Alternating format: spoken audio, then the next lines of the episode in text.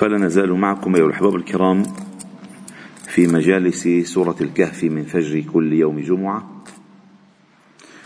وقد تحدثنا لكم أو إليكم عن هذه الأمور الأربعة التي تمر في حياة الإنسان وينبغي للإنسان أن يتفطن لها.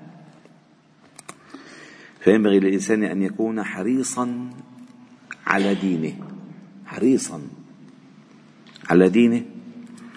لأن المغريات التي حوله من الشبهات والشهوات كفيلة أن تنزع عنه لباس الدين أو أن تلبس عليه الدين. وهذا شيء جدا مهم. لأن هذه الدنيا مليئة بالفتن. وإبليس اللعين قال لأقعدن لهم صراطك المستقيم. إن أي شيء يمكن أن يوصلهم إليك وإلى رضاك سأعترض طريقهم.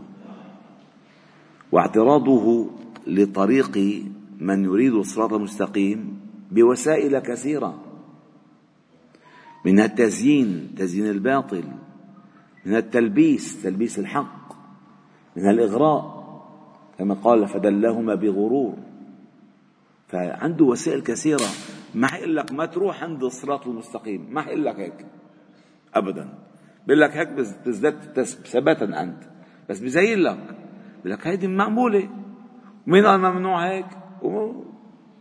فيلبس عليك. فينبغي الإنسان أن يكون حريصا كل الحرص على دينه من أن يعترضه أو تعترض الشهوات أو الشبهات التي يقود جنودها إبليس.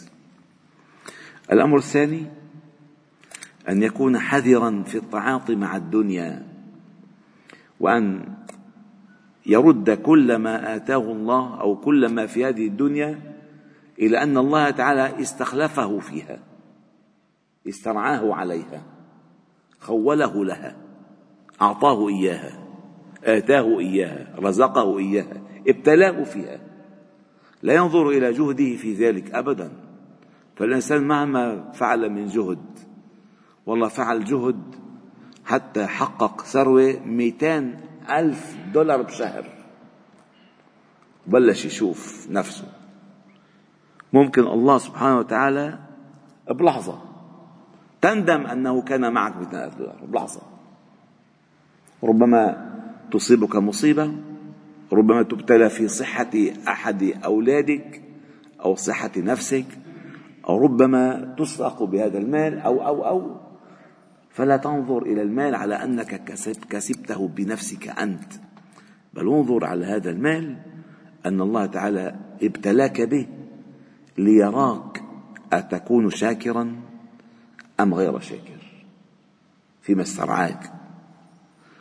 ثم بعد ذلك ننتقل إلى القضية الهامة العلم. العلم التي لا غنى للإنسان في هذه الدنيا عنه. والله جل جلاله أول ما أنزل من كتابه قال اقرأ باسم ربك الذي خلق خلق الإنسان من علق. اقرأ ربك الأكرم الذي علم بالقلم علم الإنسان ما لم يعلم.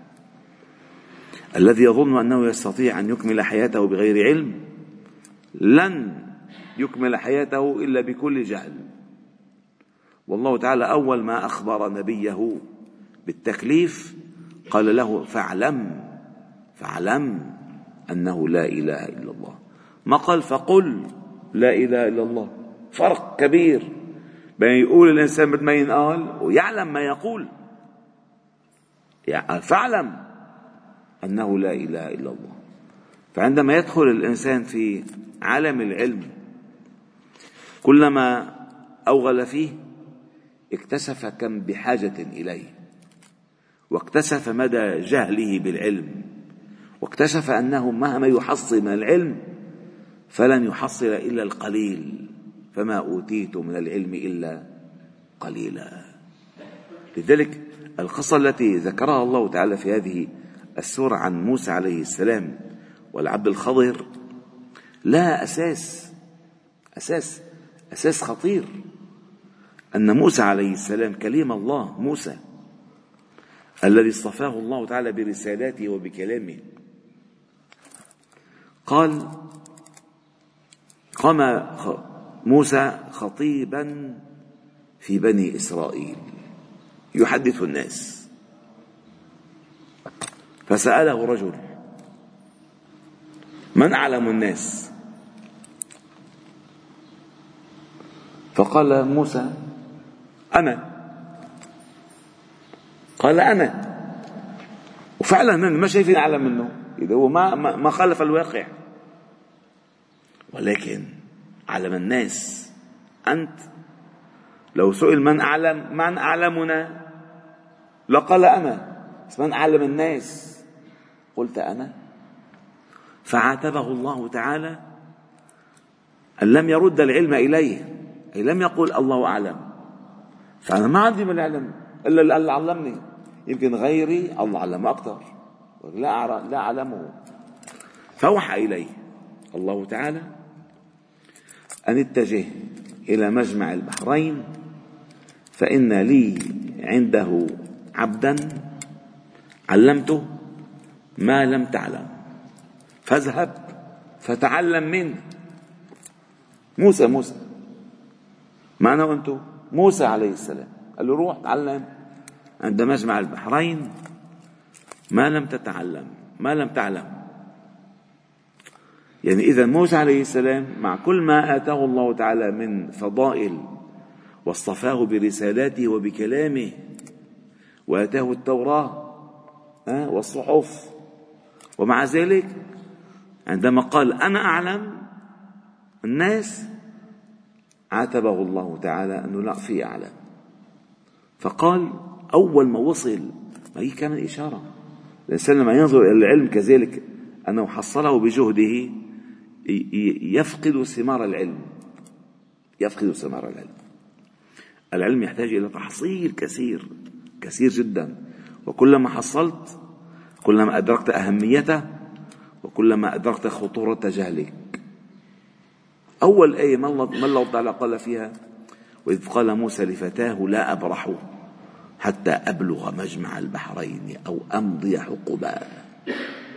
يعني انظر إلى الهم العالية الهمة الهمة التي ينبغي أن تكون عند صاحب العلم عند طالب العلم. لا أبرح إني بدي دل أشتغل بدي دل أبرم بدي دل.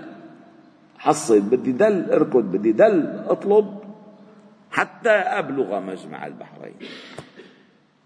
أو أمضي حقبة والحقب هو المدة الزمنية التي يعيش فيها الإنسان. يعيش في يعني أن ولو بذلت في طلبي لما الله أمرني به كل عمري ما قصرت. بدي أطلب. لذلك قال الله تعالى عن أصحاب النار لابثين فيها أحقابا أي أعمارا عمرا تلو عمر. لو قضيت عمري كله في طلب ما الله أراده مني سأفعل ذلك. لا أبرح حتى أبلغ مجمع البحرين أو أمضي حقبا وهنا مجمع البحرين ما بيهمنا أي المكان كان ولكن بيهمنا لماذا الله تعالى قال البحرين مجمع البحرين مجمع البحرين. وفيها إشارة إلى العلوم الهائلة لأن البحر آه، يراد به العلم يراد به العلم. لذلك أئمتنا عندما كتبوا في التفسير أغلب آه، تفاسيرهم اسمه البحر المحيط البحر. الماد البحر. لأن قل لو كان البحر مدادا لكلمات ربي لنفد البحر قبل أن تنفد كلمات ربي. ولو جئنا بمثله بددا. والبحر, والبحر يمده من بعده سبعة أبحر ما نفدت كلمات الله. إذا العلم يشار له بالبحر. فموسى عليه السلام عنده علم. لا شك. والعبد الصالح عنده علم. لا شك. من هذا بحر من العلم وهذا بحر من العلم مجمع البحرين يلتقيان. مجمع البحرين يلتقيان. فما علمك الله تعالى؟ ينبغي أن تلتقي بما علمه الله تعالى إياه. فاجتمع البحرين. وعندما اجتمع البحرين وجلسا على طرف السفينة كما صح في الحديث قال العبد الصالح لموسى ما علمي وعلمك ما علمي وعلمك. مقابل علم الله. كواف عصفور عم ينقر نقرة نقرة بالبحر. قال إلا كما أخذ هذا العصفور من هذا البحر. ما ما عندنا شيء يعني. ما عندنا شيء أبدا. فعندما يتعلم الإنسان ليعلم لا ليزهو ويفخر عندها يتعلم. عندها يتعلم. فلذلك آه، رحلة موسى عليه السلام مع الخضر لنعلم حقيقة العلم أي مآل العلم مظاهر العلم. لأن كله مآلات أما السفينة فكانت لمساكين يعني فأردت أن أعبها وكان وراءهم ملك. يعني هناك شيء سيكون بعد. الغلام هناك شيء سيكون بعد. الجدار هناك شيء سيكون بعد. فالعلم الحقيقي هو ليس العلم بالظاهر فقط وإنما العلم بالمآلات والمقاصد. وهذا الذي نحتاجه اليوم نحن أن نتعلم آه، عن مقاصد العلم و يعني مآسر العلم ما التي يتركه من أثر. والله تعالى أعلم وأحكم. والحمد لله رب العالمين. سبحانك وبحمدك. نشهد أن لا إله إلا أنت نستغفرك ونتوب إليك. وصلي وسلم وبارك على محمد. وعلى آله وأصحابه أجمعين والحمد لله رب العالمين.